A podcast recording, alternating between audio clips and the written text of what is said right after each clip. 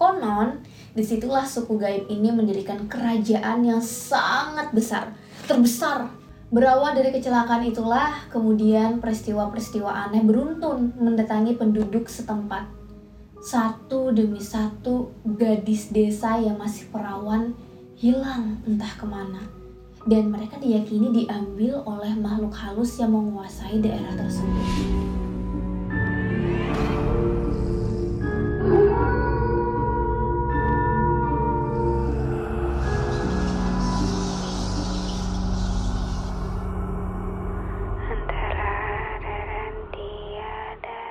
Hai gengs, apa kabar kamu? With me Gusti Gina di Adat Antara Ada dan Tiada Aku bakal cerita horor nih buat dongeng pengantar tidur kamu. By sebelum masuk ke ceritanya, aku jadi heran deh sama kalian. Sekarang tuh udah mulai bergeser ya. Jadi yang biasanya suka sama cerita horor, kok lagi ke misteri nih.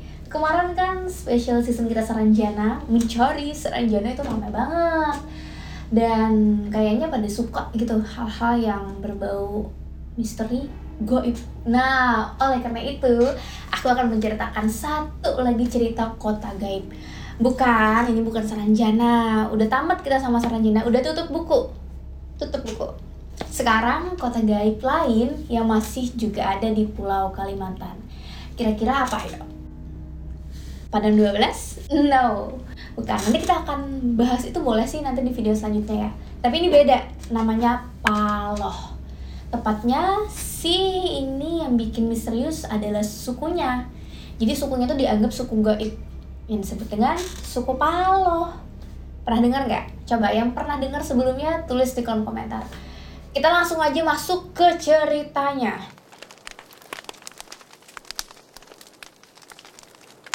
Suku Paloh ini mendiami pedalaman hutan di desa Paloh, Kabupaten Sambas. Nah, ini tuh dekat banget nih dengan perbatasan negeri Malaysia. Konon, di situlah suku gaib ini mendirikan kerajaan yang sangat besar, terbesar, terbit, termewah, tergaib. Suku Paloh ini dipercaya memiliki peradaban yang sama aja nih kayak kita. Ya sama, peradabannya seperti manusia. Namun, buat manusia yang masuk ke wilayah hutan mereka, bakal ngalamin hal-hal yang misterius. Ada satu cerita yang menghebohkan sekali nih sekitar tahun 1970 dan ini berkaitan dengan hilangnya pesawat TNI Angkatan Udara. Di tahun itu, 1970, sebuah kejadian membagongkan. Cerita ini diupload oleh Gogo Fikri di Kaskus. Jadi pada waktu itu ya, di tahun 1970, pesawat TNI Angkatan Udara ini tiba-tiba hilang tanpa jejak sewaktu lagi melewati wilayah negeri Paloh. Ya, itu kan tahun 70-an ya. Mungkin banyak antara kita belum lahir gitu. Tapi bagi orang yang terkait dengan cerita itu, itu adalah peristiwa yang sangat memilukan. Pesawat milik TNI Angkatan Udara itu hilang bersama para awaknya saat terbang melintas wilayah Paloh. Diduga pesawat tersebut menabrak Bukit Melintang. Itu nama bukit ya, namanya Bukit Melintang namun setelah dilakukan pencarian di tempat itu yang juga ter diteruskan menyisir titik rawan kecelakaan, para petugas tuh tidak menemukan mayat maupun bangkai pesawat. Loh, ke mana mereka? Pesawat dan awaknya seperti bener-bener lenyap di telan bumi. Salah seorang bidan kesehatan juga ikut hilang dalam peristiwa itu. Dia merupakan teman dekat dari salah seorang sumber penulis Nah, dikisahkan nih di sini. Sebelum berangkat, terjadi ketegangan kecil di sebuah klinik kesehatan tempat si bidan bertugas. Mereka tuh sempat kayak ada bersih tegang gitu. Ini namanya akan disamarkan ya, namanya Ibu Yeni. Pada siang itu, Ibu Yeni ini mendapat tugas mendadak ke perbatasan. Sebenarnya bukan dirinya yang mendapat perintah untuk berangkat, melainkan bidan lain. Berhubung yang mendapat giliran praktek di klinik itu adalah Ibu Yeni, jadi dengan terpaksa dia yang harus menggantikan bidan yang berhalangan itu. Namun beberapa orang teman Ibu Yeni merasa keberatan dan menyarankan agar membatalkan keberangkatannya. Terutama pada waktu itu cuaca hmm, bener-bener kayak tidak mengizinkan gitu Mendung hitam diiringi kabut tebal menghiasi cakrawala. Sungguh tidak memungkinkan bagi pesawat untuk lepas landas. Tapi si Ibu Yeni yang masih muda ya pada waktu itu, dia tetap bersikeras buat berangkat. Meski dia juga sangat menghargai sih masukan dan saran dari teman-temannya. Makasih ya kalian sudah memperhatikan saya. Namun jangan sampai lupa keberadaan kita di sini karena sudah kewajiban dan tanggung jawab. Sebagai seorang tenaga medis, kita harus bisa mengambil tindakan yang bijaksana. Kebijakan yang lebih memihak pada halayak ramai. Nah, itu yang disampaikan oleh Ibu Yeni kepada sumber penulis. Mendengar ucapan itu, orang-orang yang berada di dalam ruang klinik menjadi lemas dan mereka udah gak bisa berkata apa-apa lagi gitu. Apalagi melihat Ibu Yeni sudah siap berangkat. Setelah berpamitan, dia bergegas menuju bandara dan diantar beberapa orang temannya. Gak banyak obrolan sih dalam perjalanan itu.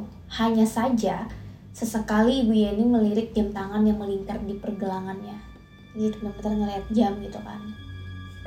Wajahnya tampak sedikit tegang, seperti dikejar sesuatu. Nah, selang beberapa menit mereka tiba di bandara, tanpa menunggu lama, Ibu Yeni ini segera melangkahkan kakinya menuju pesawat kecil yang sudah siap berangkat.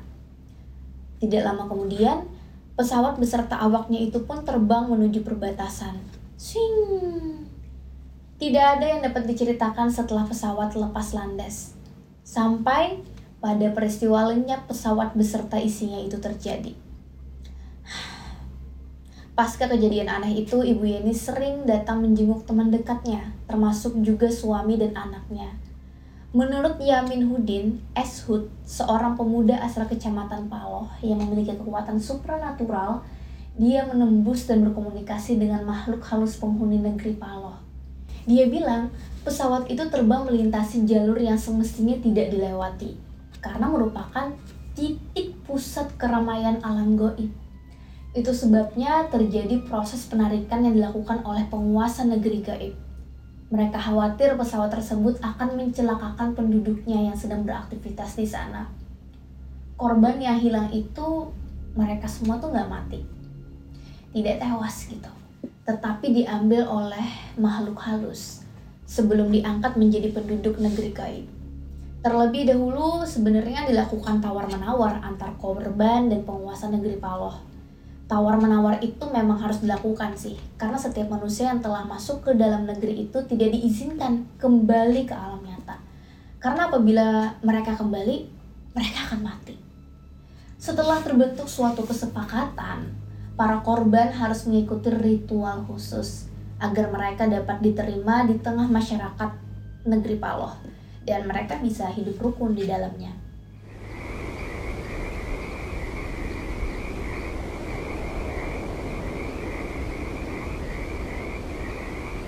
Berawal dari kecelakaan itulah, kemudian peristiwa-peristiwa aneh beruntun mendatangi penduduk setempat. Satu demi satu gadis desa yang masih perawan hilang entah ke mana. Dan mereka diyakini diambil oleh makhluk halus yang menguasai daerah tersebut. Sampai-sampai nih guys, para lelaki mengeluarkan larangan kepada para wanita pada waktu itu istri maupun anak-anaknya keluar rumah sendirian itu tidak boleh, dilarang keras. Hal ini karena dikhawatirkan akan bernasib sama dengan yang lain. Gak hanya itu, munculnya orang-orang gak dikenal di pemukiman penduduk dirasa juga cukup meresahkan ya. Apalagi gak diketahui tuh dari mana mereka berasal. Seperti dalam suatu resepsi perkimpoyan yang diadakan oleh seorang warga Kebiasaan penduduk setempat apabila melangsungkan acara pernikahan itu nggak perlu sibuk memikirkan biaya pesta biasanya. Karena para tetangga di sana akan datang memberikan sumbangan berupa lauk pauk dan uang, serta hal-hal lain deh yang diperlukan buat pernikahan itu. Nah, usut punya usut, ternyata beberapa undangan yang hadir dalam pesta itu bukanlah penduduk setempat namun warga mencoba untuk tetap waspada sih. Ya khawatir aja gitu kan kalau mereka itu berniat jahat. Setelah pesta selesai, orang-orang itu pun bergegas pergi nih tanpa berpamitan terlebih dahulu. Bahkan beberapa orang warga tuh mencoba mengejar mereka. Namun gak seorang pun menemukan jejaknya. Setelah kembali dari pengejaran, salah seorang warga menemukan sebuah tas berwarna hitam dan segera memeriksanya. Nah, di dalam tas itu ditemukan banyak sekali barang-barang aneh seperti keris, potongan rambut, kupasan kulit binatang, dan segala macam benda-benda yang gak lazim. Konon, orang-orang aneh itu sengaja meninggalkan tasnya sebagai hadiah pernikahan. Sampai detik ini kejadian semacam itu masih sering terjadi. Namun warga sudah menganggapnya sebagai hal yang biasa sih. Malahan ada beberapa orang dari warga yang menikah dengan orang yang tadi kenal itu. Yang sesungguhnya tak lain, mereka adalah makhluk halus penghuni negeri Paloh. Yamin Hudin Eshud juga menjelaskan tentang tata cara kehidupan mereka. Makhluk halus negeri Paloh itu gimana gitu. Konon, kehidupan mereka sama sih seperti manusia kita ini. Mereka sangat menjunjung tinggi adat istiadat leluhur. Menurut pantauan batin Yamin Udin yang langsung berkomunikasi dengan makhluk halus penghuni negeri tersebut, dia bilang perkembangan penduduk yang tinggal di negeri itu sangat pesat. Sistem pemerintahannya berbentuk kerajaan yang dipimpin oleh seorang raja bernama Pangeran Sandi. Sandi. Sang raja memimpin dengan arif dan bijaksana kebutuhan rakyatnya selalu tercukupi. Hal ini terjadi karena negeri Paloh memiliki kekayaan alam yang berlimpah ruah. Tanahnya yang subur, ditumbuhi berbagai macam sayuran dan buah, terus juga kemajuan dan kecanggihan teknologi juga nggak luput dari sumber daya manusianya. Jadi ya wajar aja kalau beberapa penduduk di sekitaran hutan pernah menyaksikan sebuah kota muncul di tengah hutan belantara. Karena memang penduduk negeri Paloh sudah mampu menciptakan teknologi mutakhir dan kota besar yang pernah muncul itu bisa dibilang bisa dianggap itu sebagai buktinya gitu. Perihal penculikan yang sering dilakukan makhluk halus pada manusia, katanya yaitu karena mereka diculik oleh makhluk halus penghuni negeri Paloh. Niatnya sih bukan untuk disakiti ya, tapi karena dilandasi rasa suka terhadap manusia. Dan selanjutnya mereka akan dikawini gitu.